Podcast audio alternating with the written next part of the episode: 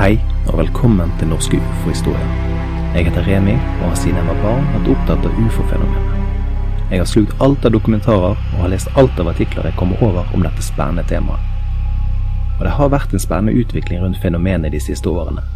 Spesielt etter artikkelen i New York Times fra 2017 med den berømte tic-tac-ufoen som ble filmet i 2014 og den siste tiden har David Grush fått mye oppmerksomhet etter han varslet amerikanske myndigheter om at det er hemmelige prosjekter tilknyttet ufo-fenomenet.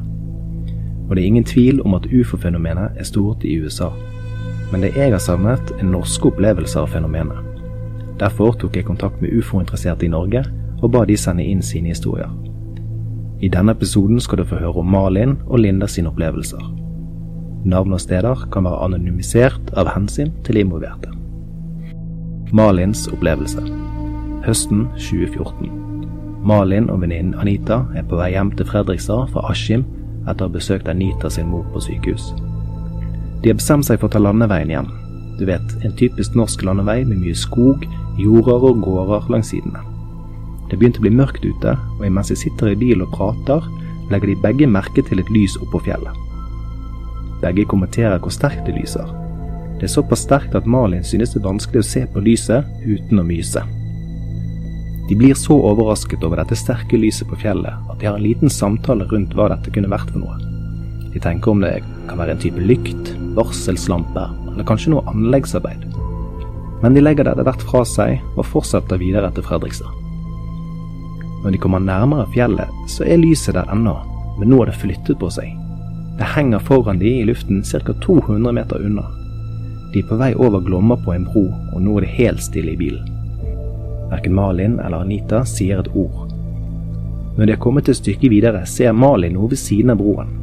Rett over elven er det et fartøy. Et trekantet fartøy i metall uten vinduer. Det står helt stille i luften. Anita bryter tausheten og spør hvordan kom det seg dit så fort? Malin vet ikke hva hun skal svare, men får frem. Jeg tror vi så noe utenom det normale. Vi må kjøre tilbake. Anita snur bilen og de kjører tilbake for å se etter fartøyet. Men dessverre er det ikke der lenger. De spør hverandre du så det jeg så, og begge bekrefter til hverandre at ja, de hadde sett det samme. Både Malin og Anita sitter igjen med en rar følelse, og det blir regelrett satt ut resten av den timeslange turen hjem. Og denne følelsen sitter ennå i Malin, selv ni år seinere.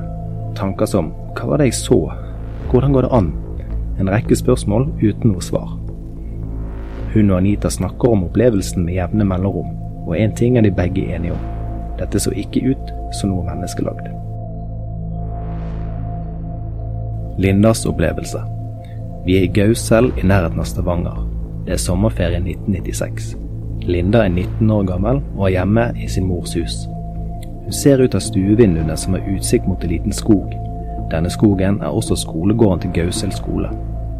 Det er nokså høye trær, og de befinner seg omtrent 50 meter fra stuevinduene hun ser ut av.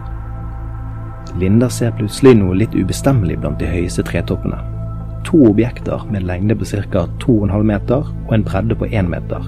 De svever ca. 15 meter over bakken. Hun synes de ser sylinderformet ut, men det er vanskelig å se da hun bare ser dem fra én vinkel. Det ene objektet er plassert foran det andre. De er brune, og overflaten ser mest ut som semsket skinn hun kan ikke se noen skjøter, vinduer eller uregelmessige former eller farger. De er helt jevne i fargen. I ettertid har hun tenkt at det var perfekt kamuflasjefarge. Linda stirrer på objektene i ca. 30 sekunder. Objektene fyker plutselig til værs. Hun løper ut på terrassen for å følge med på dem, og roper på den 15 år gamle broren sin som ligger i sofaen og ser på TV. Når hun kommer ut på terrassen, ser hun fortsatt lysene som stiger til værs. De går på skrått opp i luften, som om de hadde en bue på banen sin.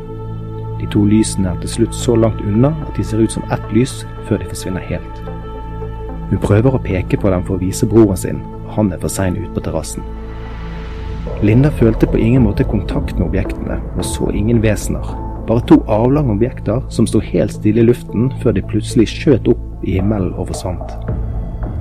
Det skal også legges til historien at broren til Linda en stund senere også observerte flygende objekter, men på andre siden av huset. Linda har prøvd å være rasjonell angående sin opplevelse. Det er tross alt en Nato-base i nærheten av huset, og i 1996 var det mye mer aktivitet der enn i dag. Kan det være droner? Eller en annen hemmelig teknologi de prøver ut? Linda vet ikke svaret, men hun har i hvert fall aldri sett noe slik teknologi beskrevet noen steder. Dette var episodens opplevelser, og jeg vil rette en stor takk til Malin og Linda som delte disse med meg. Hvis noen av dere har opplevelser dere vil dele med meg, så kan dere sende en mail til norskeufohistorier krøllalfa gmail.com. Alle historier kan anonymiseres hvis dere ønsker, og jeg lover full diskresjon. Takk for at du hørte på pilotepisoden av Norske ufo-historier.